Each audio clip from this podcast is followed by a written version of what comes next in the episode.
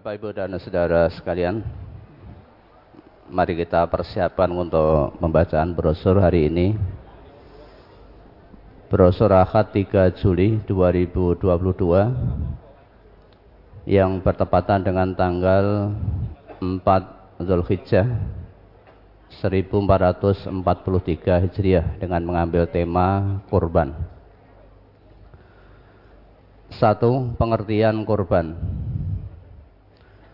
Korban berasal dari bahasa Arab koruba yakrubu kurban wa kurbanan wa kirbanan al munjid artinya mendekat atau pendekatan.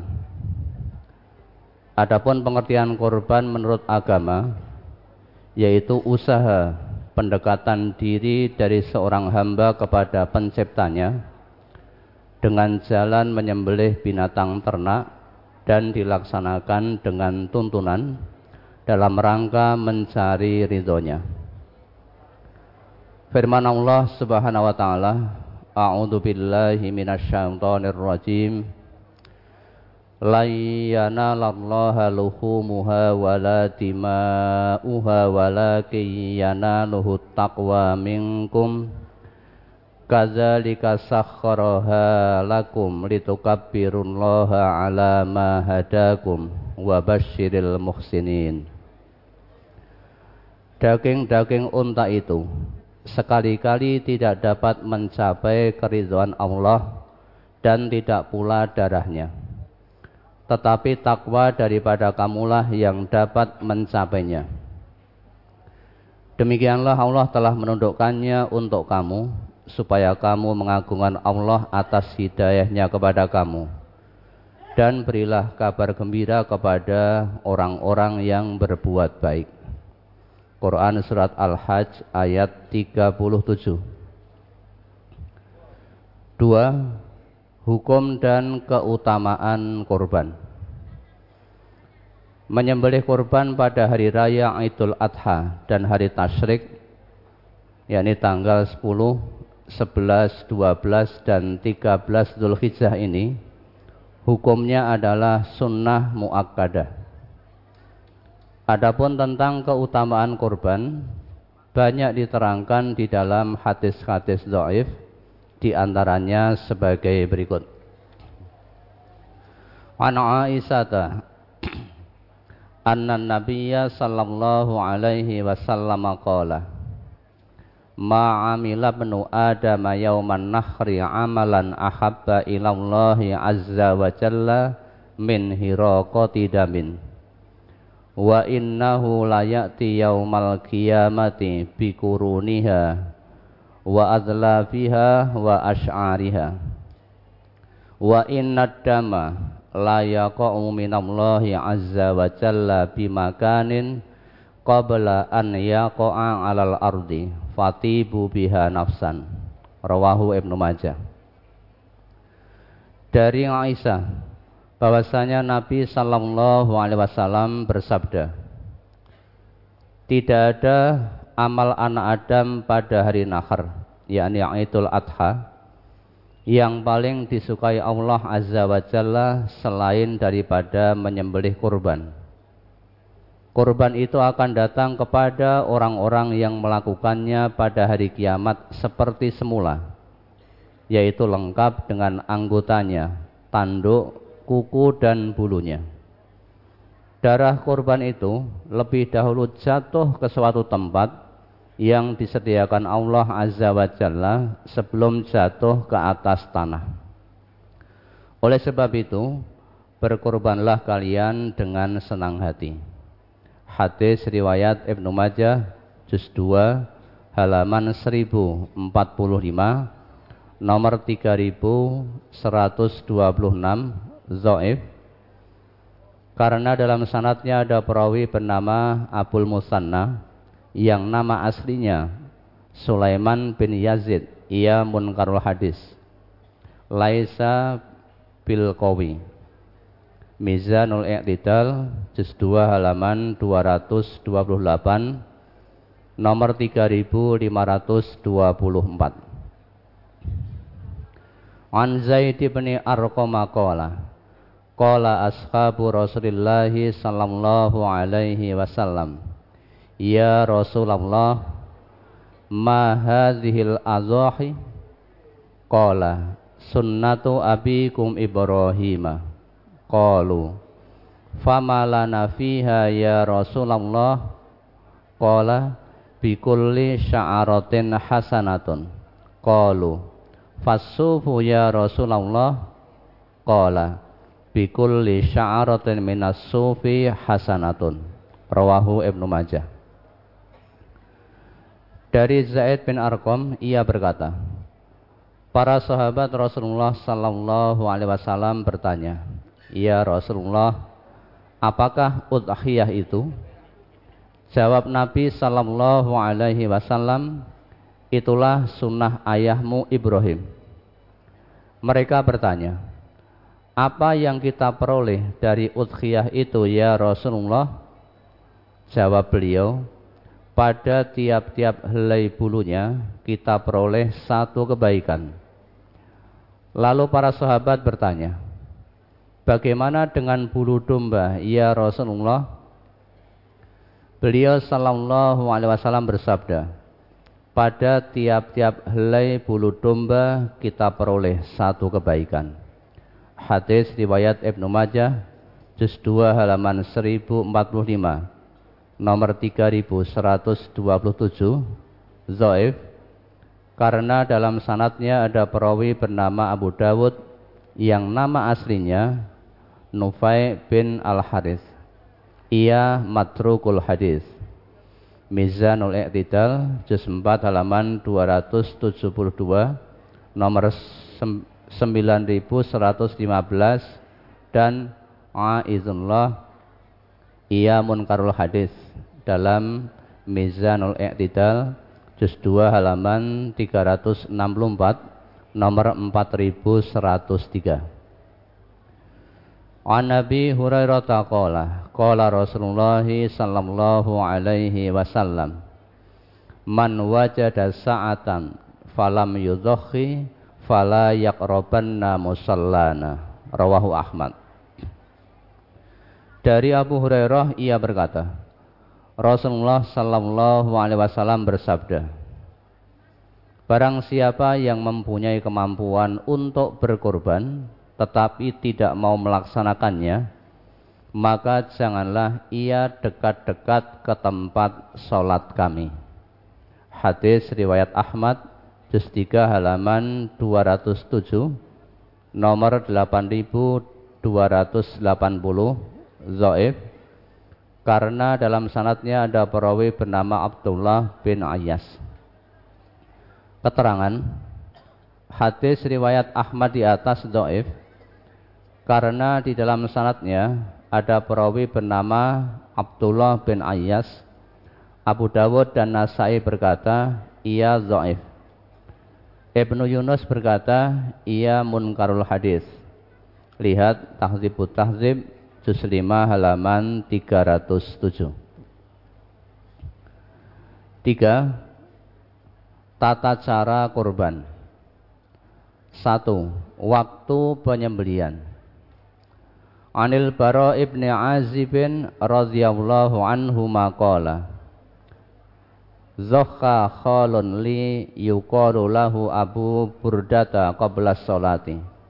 Faqala lahu Rasulullah sallallahu alaihi wasallam Syatuka syatu lahmin Faqala Ya Rasulullah Inna indi dajinan jaza'atan minal ma'azi Qala Izbahha walan tasluha li ghairika. Summa qala man zabaha qabla sholati fa innama yadhbahu li nafsi. Wa man zabaha ba'da sholati faqad tamma nusukuhu wa asaba sunnatal muslimina. Rawahul bukhari dari Al-Bara bin Azib radhiyallahu anhuma ia berkata pamanku yang bernama Abu Burda menyembelih kurban sebelum sholat id. Maka Rasulullah sallallahu alaihi wasallam bersabda, "Sembelianmu itu sembelian untuk dimakan, bukan kurban." Kemudian Abu Burdah berkata, "Ya Rasulullah, sesungguhnya saya masih mempunyai kambing jaza'ah yang bagus." Rasulullah sallallahu alaihi wasallam bersabda, "Sembelihlah kambing itu, tetapi kebolehan ini tidak untuk selain kamu. Kemudian Rasulullah Sallallahu Alaihi Wasallam bersabda, Barang siapa yang menyembelih sebelum sholat id, maka sesungguhnya ia hanya menyembelih untuk dirinya sendiri, yakni tidak dinilai sebagai ibadah kurban. Dan barang siapa menyembelih sesudah sholat id, maka sempurnalah ibadah sembeliannya dan bersesuaian pelaksanaannya dengan sunnah kaum muslimin. Hadis riwayat Bukhari juz 6 halaman 236.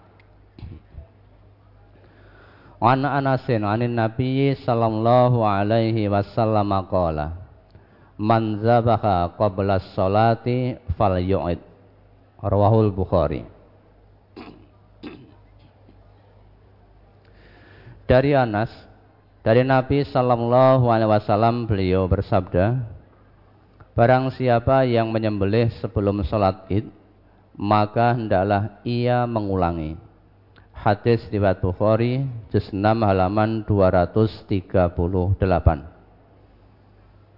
Dan berdasar riwayat dari Sulaiman ibnu Musa, dari Jubair ibnu Mut'aim, bahwa Nabi Sallallahu Alaihi Wasallam bersabda, kullu ayyami tasyriki zabhun. Rawahu Ahmad. Setiap hari tasrik itu adalah hari menyembelih. Hadis riwayat Ahmad juz 5 halaman 618 nomor 16751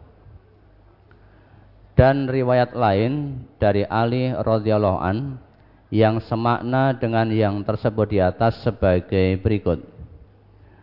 Ayyamun nakhri yaumul adha wa salah satu ayyamin ba'dahu fi nailil autar. Hari menyembelih itu ialah hari raya Idul Adha dan tiga hari sesudahnya. Dalam Nailul Autor juz 5 halaman 142. Dari hadis-hadis tersebut dapat diambil kesimpulan bahwa waktu yang sah untuk ibadah kurban adalah sesudah sholat id hingga akhir hari tasrik yakni tanggal 10, 11, 12 dan 13 Dzulhijjah. Adapun waktu pelaksanaan sholat Idul Adha sebagaimana sabda Nabi sallallahu alaihi wasallam Qala Jundabun Kana Nabiyyu sallallahu alaihi wasallam yusalli bina yaumal fitri wasyamsu ala qaidi rumhaini wal adha ala qaidi rumhin telah berkata Jundab dahulu Nabi sallallahu alaihi wasallam salat Idul Fitri bersama kami sedang matahari tingginya kadar dua batang tombak. Dan beliau sholat Idul Adha di waktu matahari tingginya kadar satu batang tombak. Hadis riwayat Ahmad bin Hasan dalam Nailul Autar. Inilah waktu-waktu yang dituntunkan untuk melaksanakan ibadah kurban tetapi bila menyembelihnya sebelum sholat Idul Adha selesai, maka yang demikian itu tidak dinilai sebagai ibadah kurban.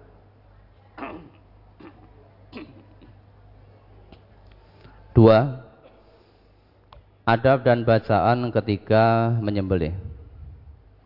An Anasin qala, Zahha Rasulullah sallallahu alaihi wasallam bikabsyaini amlahaini akronaini qala wa ra'aituhu yadhbahuhuma biyadihi wa ra'aituhu wa ra'aituhu wadi'an qadamahu ala sifahihima. Qala wa samma wa kabbara rawahu muslim dari Anas ia berkata Rasulullah sallallahu alaihi wasallam menyembelih kurban dengan dua ekor kibas yang bagus dan bertanduk. Ia, yakni Anas berkata, saya melihat beliau menyembelih keduanya dengan tangan beliau sendiri. Dan saya melihat beliau meletakkan kaki beliau di atas batang leher binatang itu. Ia, yakni Anas berkata, beliau membaca basmalah dan bertakbir. Bismillahi wallahu akbar. Dengan nama Allah dan Allah Maha Besar. Hadis riwayat Muslim juz 3 halaman 1557 nomor 18.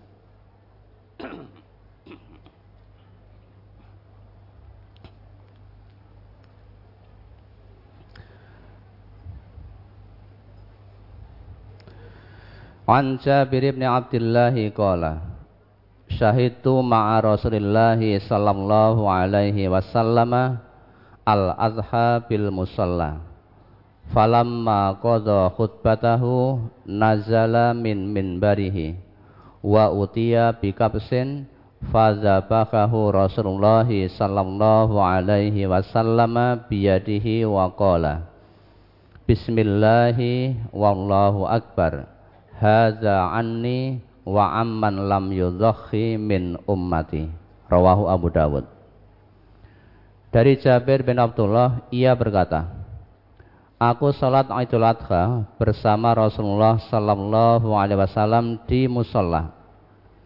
Setelah beliau selesai berkhutbah, lalu turun dari mimbar, maka didatangkan seekor kibas, lalu beliau menyembelihnya dengan tangan beliau. Dan beliau mengucapkan Bismillahi wallahu akbar hadza anni wa amman lam yudhakhi min ummati. Dengan nama Allah dan Allah Maha Besar. Kurban ini dariku dan dari umatku yang tidak berkurban hadis riwayat Abu Dawud juz 3 halaman 99 nomor 2810 An Aisyah anna Rasulullah sallallahu alaihi wasallam amara bi kapsin aqrana yata'u fi sawadin wa yabruku fi sawadin wa yangduru fi sawadin. Fa utiya bihi liyudhhiya bihi. Faqala laha ya Aisyah halumil mudyah summa qala ishadiha bihajarin fafa'alat summa akhadaha wa akhadal kabsha fa'atja'ahu summa zabahahu.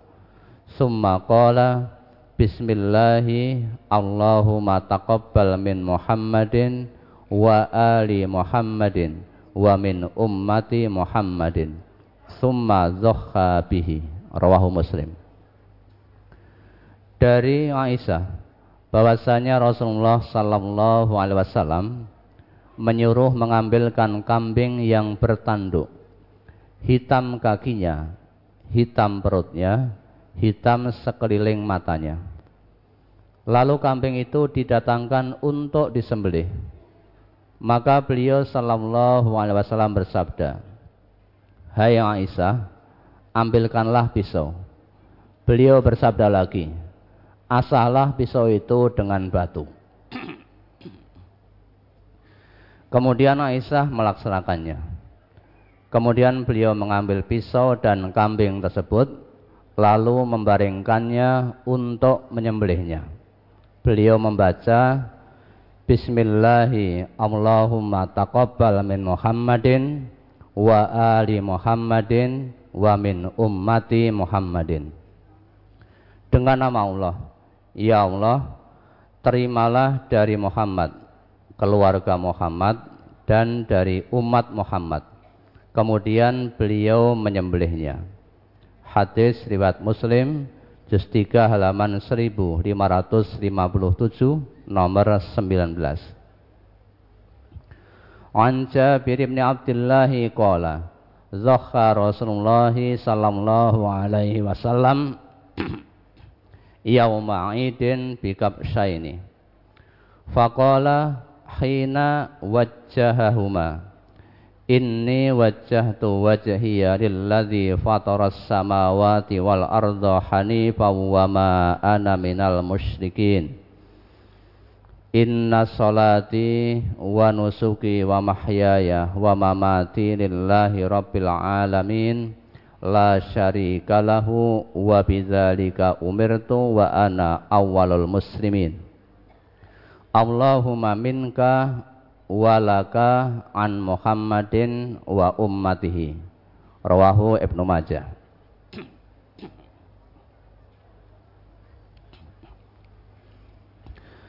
Dari Jabir bin Abdullah ia berkata pada hari Idul Adha Rasulullah Sallallahu Alaihi Wasallam berkorban dengan dua ekor kambing.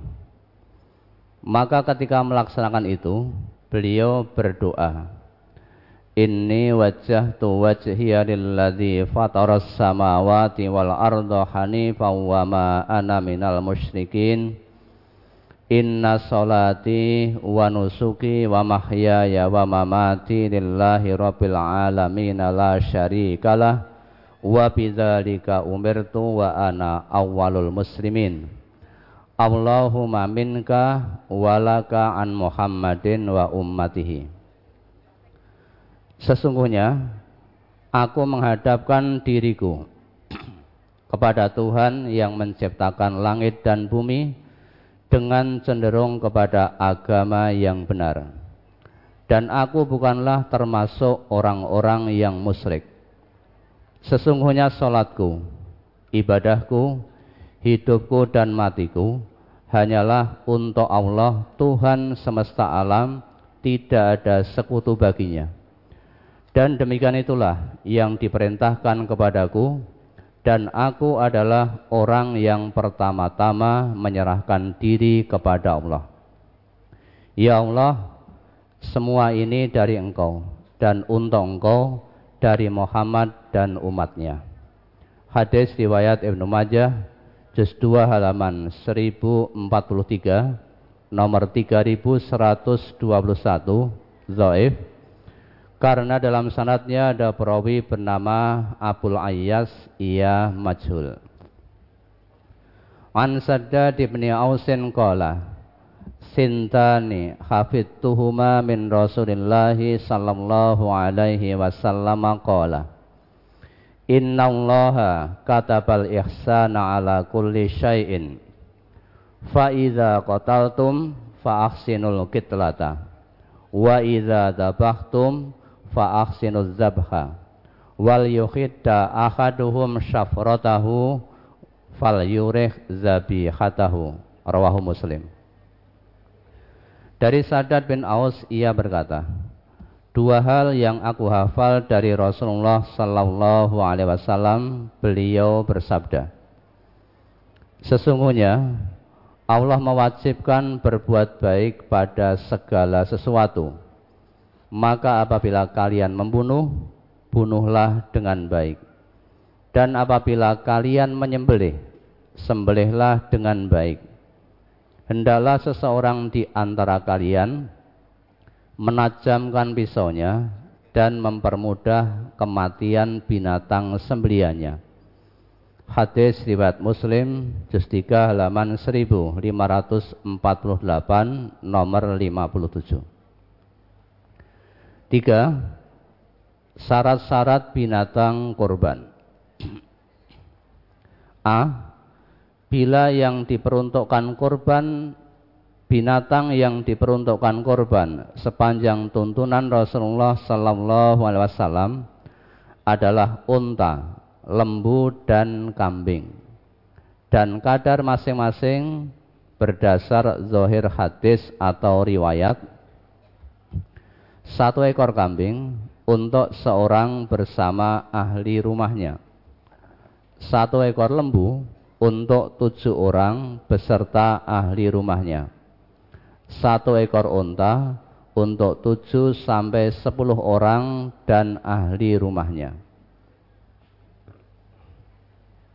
An Umar An Umar bin Abdullah qala Sami'tu Atha bin Yasar yaqul Sa'altu Aba Ayyuba Kaifa kanatid dhuhaya ala ahdi Rasulillah sallallahu alaihi wasallam? Faqala Kana rajulu yudhakhi bisyati anhu wa an ahli baitihi fayakuluna wa yut'imuna hatta tabahan nasu fasorat kama taro rawahu tirmidzi dari Umar bin Abdullah ia berkata aku mendengar Atok bin Yasar dia berkata saya bertanya kepada Abu Ayub Al-Ansori bagaimanakah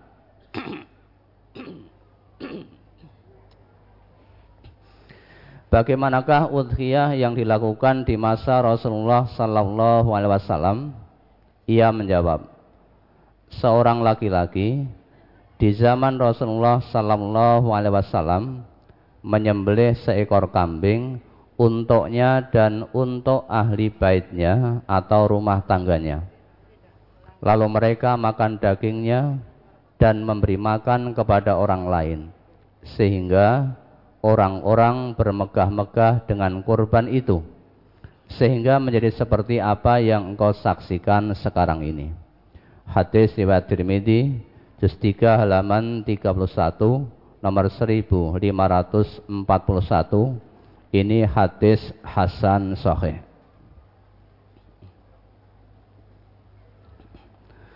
An Jabir bin An Jabir bin Abdullah qala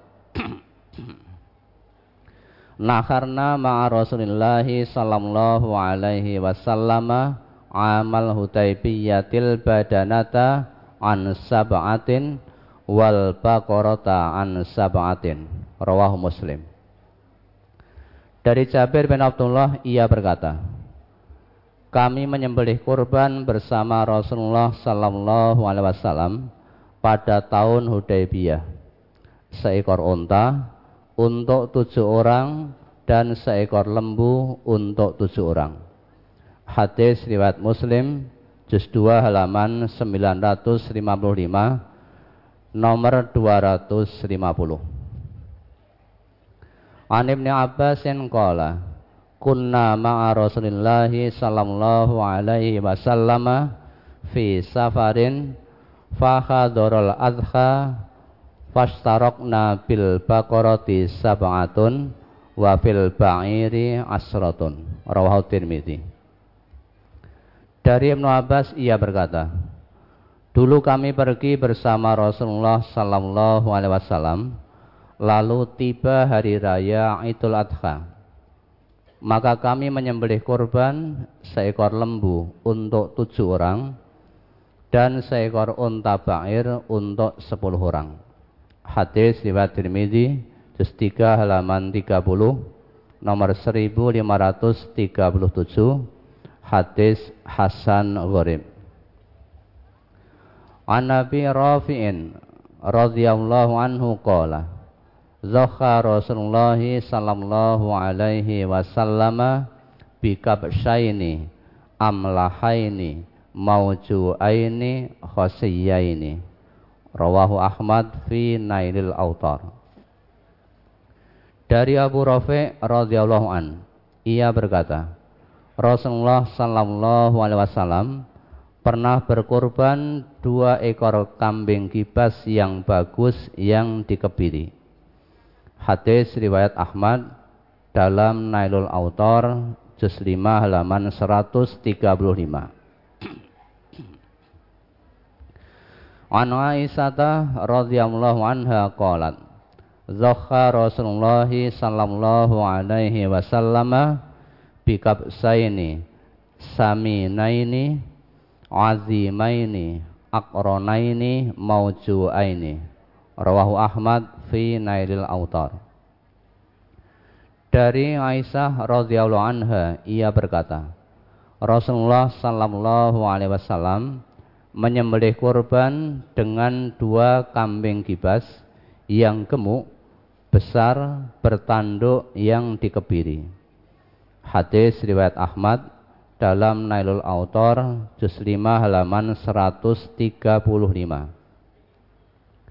An Ibnu Abbasin qala qallatil ibilu ala ahdi Rasulillah sallallahu alaihi wasallam fa amarahum an yanharul baqara rawahu Ibnu Majah dari Ibnu Abbas ia berkata pernah terjadi pada zaman Rasulullah sallallahu alaihi wasallam jumlah unta sedikit.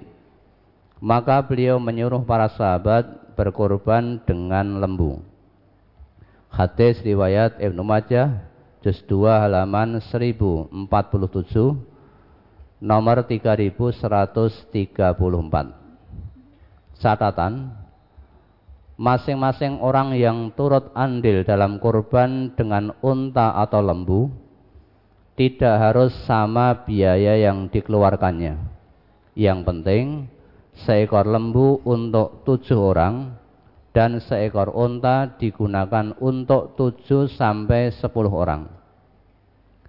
Adapun tentang kurban urunan kambing yang biasa dilakukan di sekolah-sekolah, kantor, sampai kini kami masih berpendapat bahwa hal itu tidak dapat dianggap sebagai ibadah kurban, melainkan tetap sebagai latihan kurban yang pahalanya adalah sedekah biasa. B. Tidak sah berkorban dengan binatang yang satu rusak matanya, yakni buta, juling atau kero sebelah atau kedua-duanya. Dua, terlalu kurus, tak bergajih, atau terlalu tua, tak bersumsum lagi, atau patah tanduk atau putus telinganya. Tiga, sakit. Empat, pincang.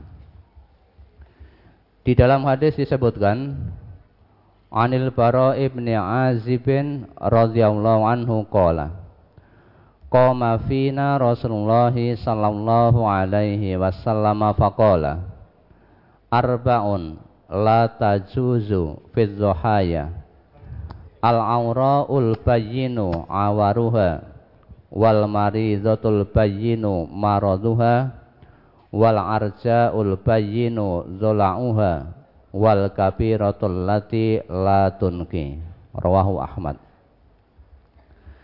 dari Barok bin Azib radhiyallahu an ia berkata, Nabi sallallahu alaihi wasallam berdiri di antara kami dan bersabda, Empat macam yang tidak boleh pada binatang kurban, yaitu satu, buta sebelah yang nyata butanya. Dua, yang nyata yang sakit nyata sakitnya. Tiga, yang pincang yang nyata pincangnya dan empat yang tua yang tidak mempunyai sumsum. Hadis riwayat Ahmad dan Arba'ah dan disahkan oleh Tirmidzi dan Ibnu Hibban dalam Bulughul Maram nomor 1376. An Aliyin qala amarona Rasulullah sallallahu alaihi wasallam an nastasrifal aina wal udhuna wa an la nuzakhiya bimuqabalatin wala mudabaratin wala sarqa'a wala kharqa'a rawahu tirmidzi. Dari Ali ia berkata Rasulullah sallallahu alaihi wasallam menyuruh kepada kami supaya memeriksa mata dan telinga dan supaya kami tidak berkorban dengan binatang yang telinganya sobek dari bagian muka yang telinganya sobek dari bagian belakang yang telinganya sobek dari ujungnya dan yang berlubang di tengahnya. Hadis riwayat Tirmidzi juz 3 halaman 28 Nomor 1532 ini hadis Hasan Sahih.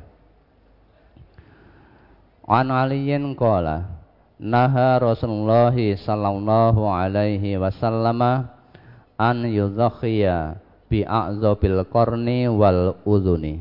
Rawahu Tirmidzi.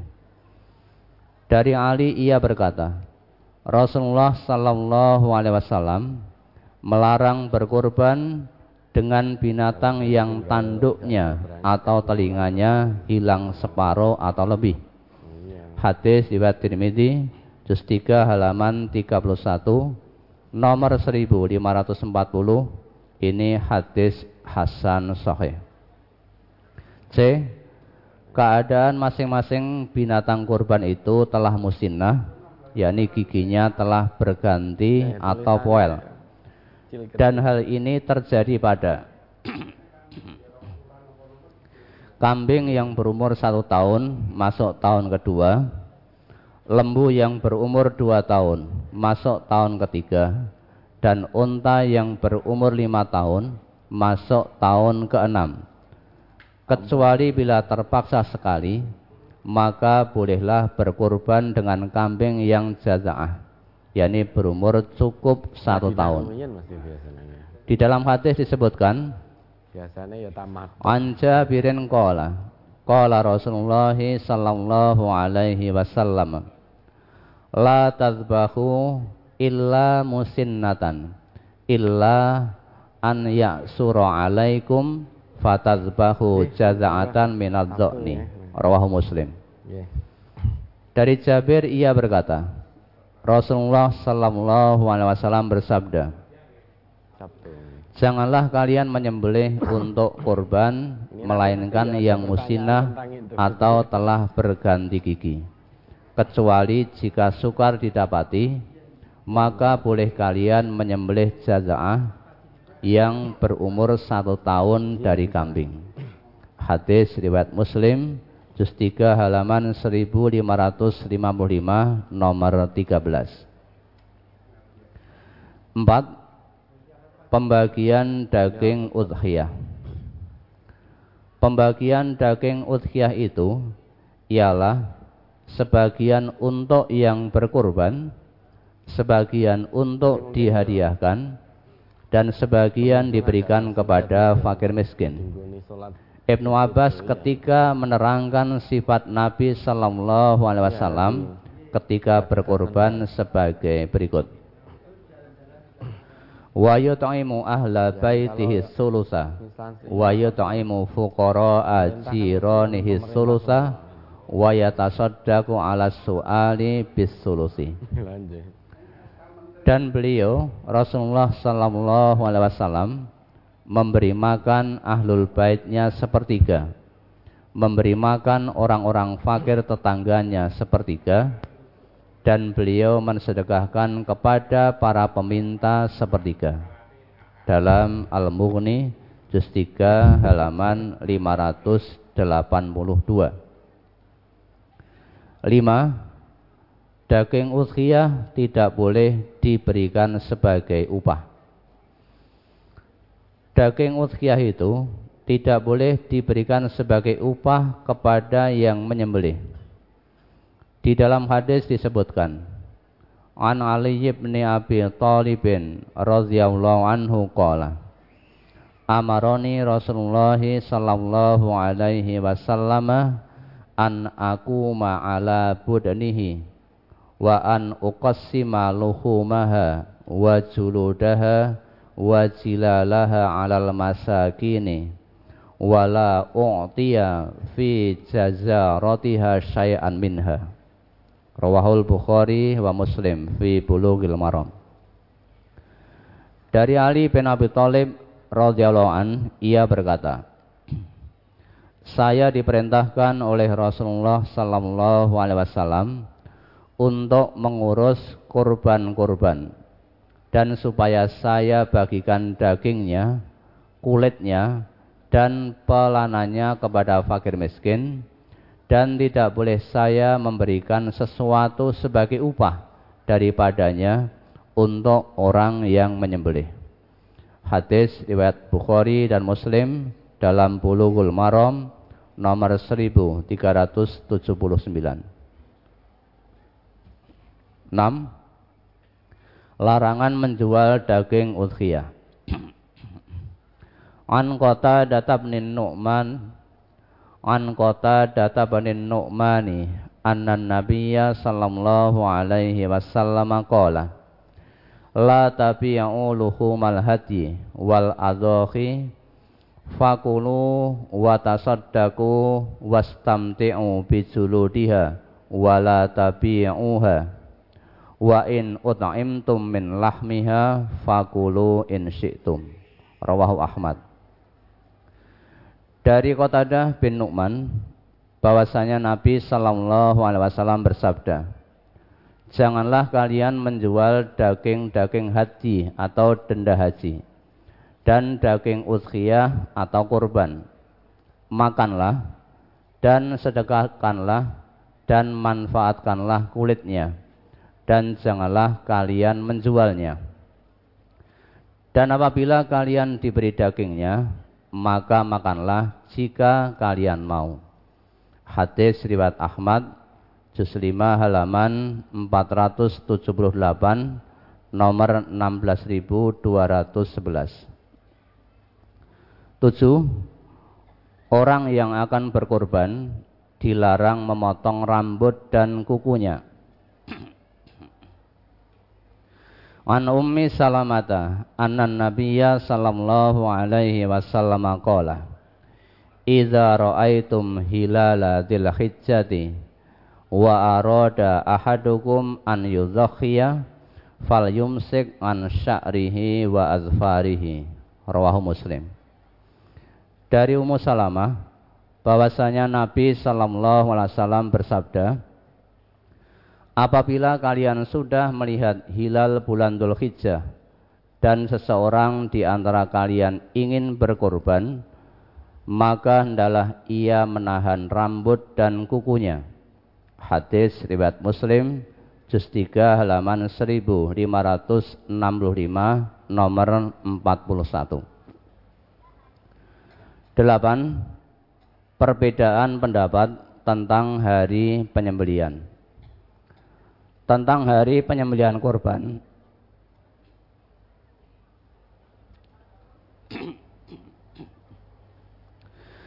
tentang hari penyembelihan korban di kalangan ulama terjadi perbedaan pendapat.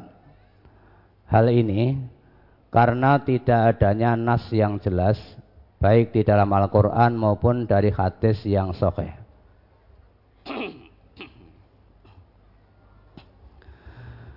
Pendapat para ulama tersebut sebagai berikut. Satu, hari penyembelian adalah satu hari, yakni tanggal 10 Dhul Hijjah.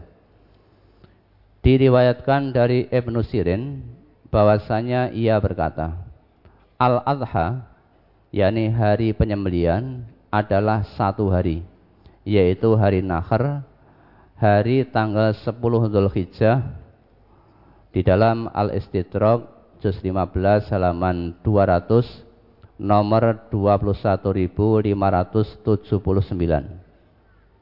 Dua, hari penyembelian di kota-kota adalah satu hari, sedangkan di Mina selama tiga hari. Dari Sa'id bin Jubair, dari Jabir bin Zaid, bahwasanya keduanya berkata, An-Nahr, yakni hari penyembelian di kota-kota adalah satu hari. Sedangkan di Mina selama tiga hari.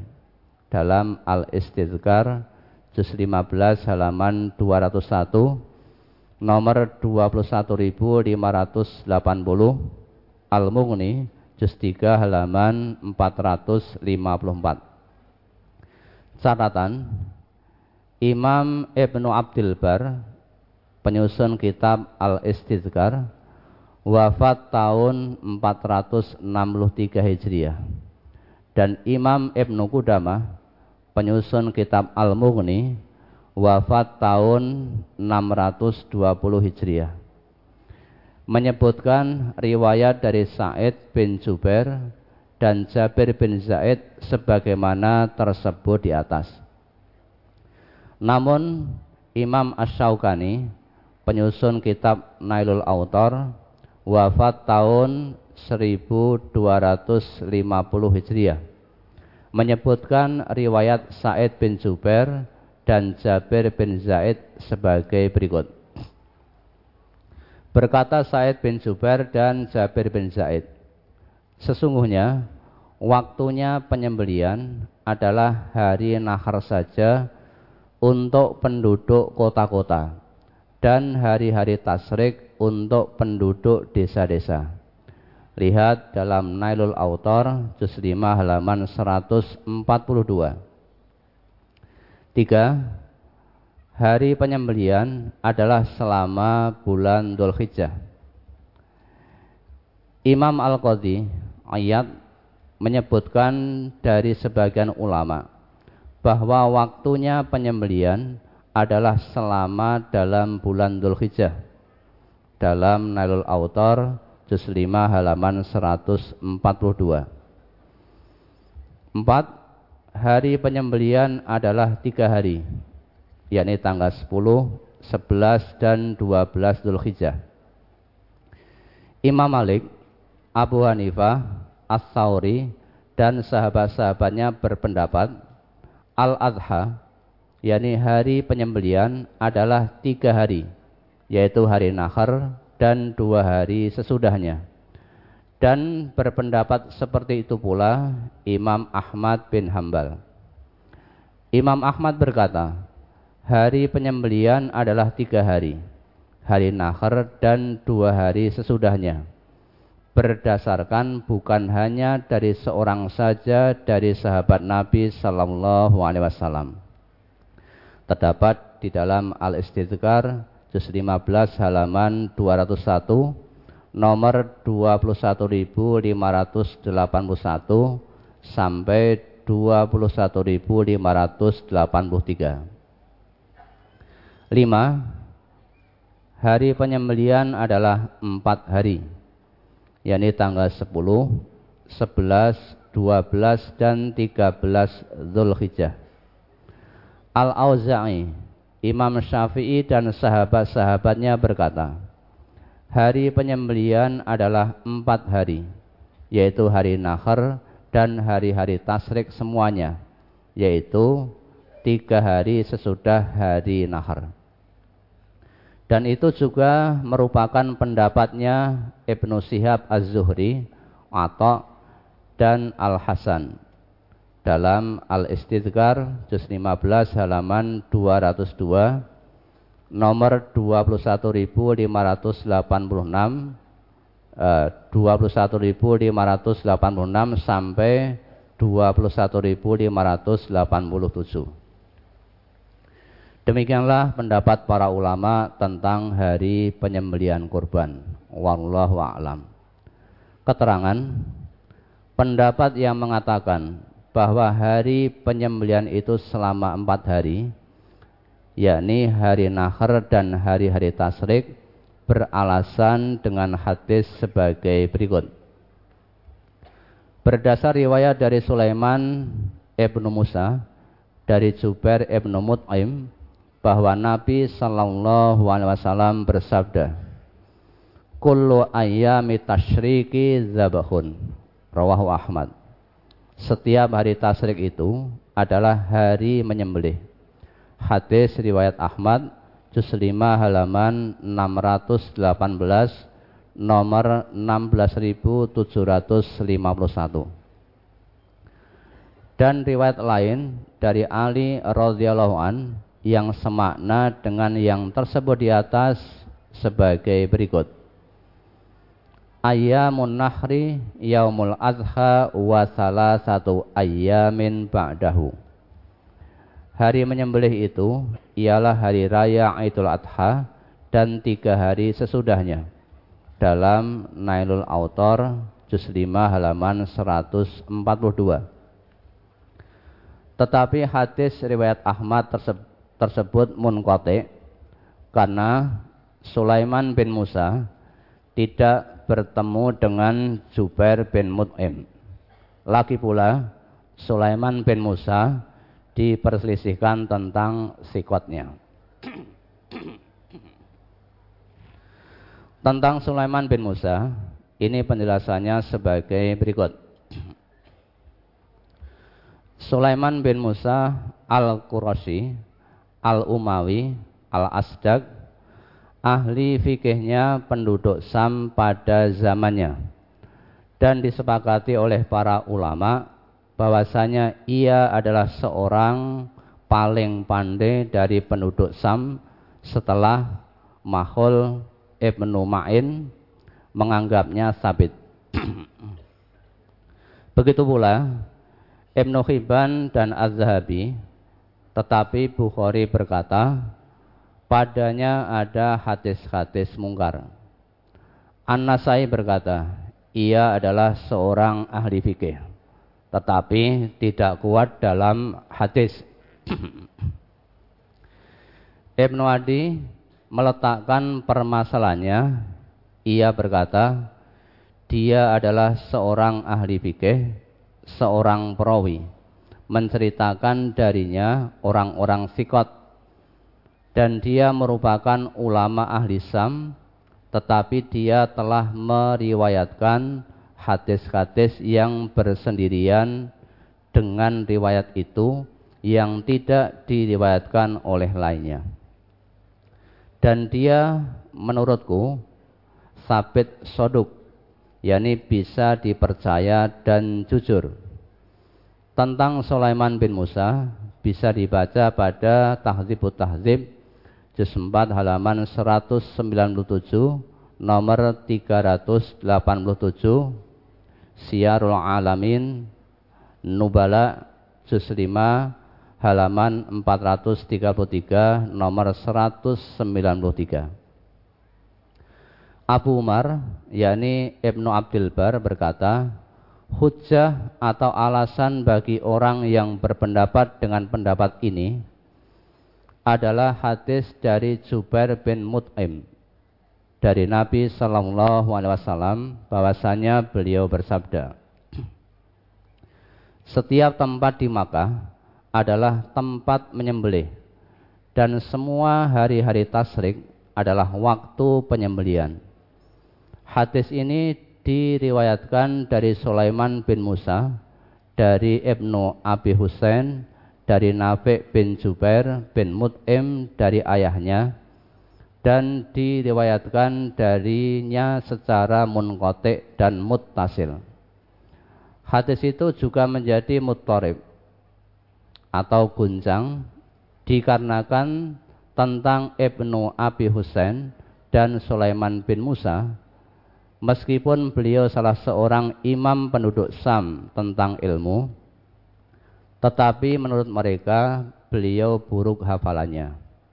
Oleh karena itu, terkadang dikatakan darinya, yakni dari Sulaiman bin Musa, dari Abdurrahman bin Abi Husain, dari Nafi' bin Jubair bin Mut'im, dan terkadang Nafi' bin Jubair tidak disebutkan. Dalam Al-Istidkar, juz 15 halaman 203, nomor 21.604 sampai 21.607. Ibnu Abdul Bar juga berkata, tidak benar menurut saya tentang masalah ini melainkan dua pendapat. Pertama, pendapatnya Imam Malik dan penduduk Kufah, yaitu hari penyembelian adalah pada hari Nahar dan dua hari sesudahnya.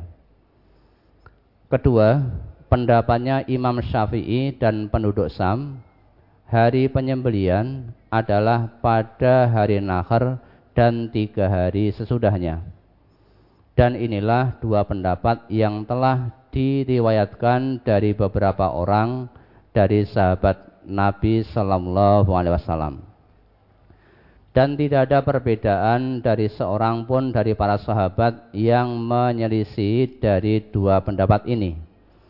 Maka tidak ada artinya kita sibuk dengan pendapat-pendapat yang menyelisih dari kedua pendapat sahabat tersebut. Karena apa yang menyelisih dari kedua pendapat itu tidak ada asalnya di dalam sunnah dan bukan pula pendapat sahabat. Dan apa yang di luar dari kedua pendapat ini haruslah ditinggalkan karena adanya dua pendapat tersebut. Dalam Al-Istidkar juz 15 halaman 205 nomor 21609 sampai 21613. Wallahu a'lam. Catatan pendapat para sahabat tersebut sebagai berikut. Abu Hurairah dan Anas bin Malik diriwayatkan pendapatnya hari penyembelian adalah tiga hari.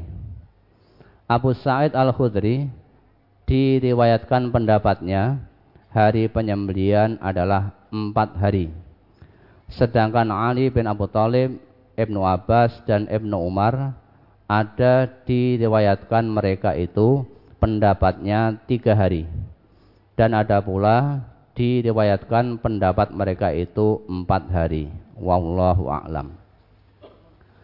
Tentang takbir setelah sholat wajib di hari tasrik. An Jabir bin Abdullah qala kana Rasulullah sallallahu alaihi wasallam yukabbiru fi salatil fajri yauma arafata ila salatil asri min akhiri ayami tasyriki hina yusallimu minal maktubati.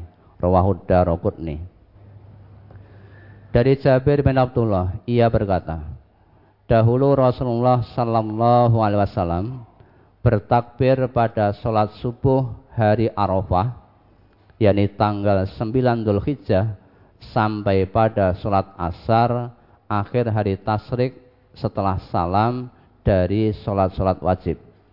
Hadis riwayat Darukutni juz 2 halaman 49 nomor 27 Zoif karena dalam sanatnya ada perawi bernama Amr bin Syamir.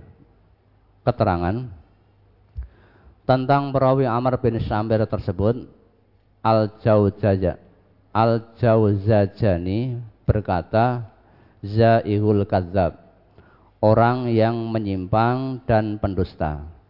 Bukhari berkata munkarul hadis hadisnya diingkari. Nasai dan Darukuni berkata matrukul hadis. Hadisnya ditinggalkan. Abu Zur'ah berkata Za'iful hadis. Hadisnya lemah. Abu Hatim berkata munkarul hadis jiddan. Za'iful hadis. yakni hadisnya sangat diingkari, hadisnya lemah. Lihat Lisanul Mizan juz 4 halaman 422 nomor 6283.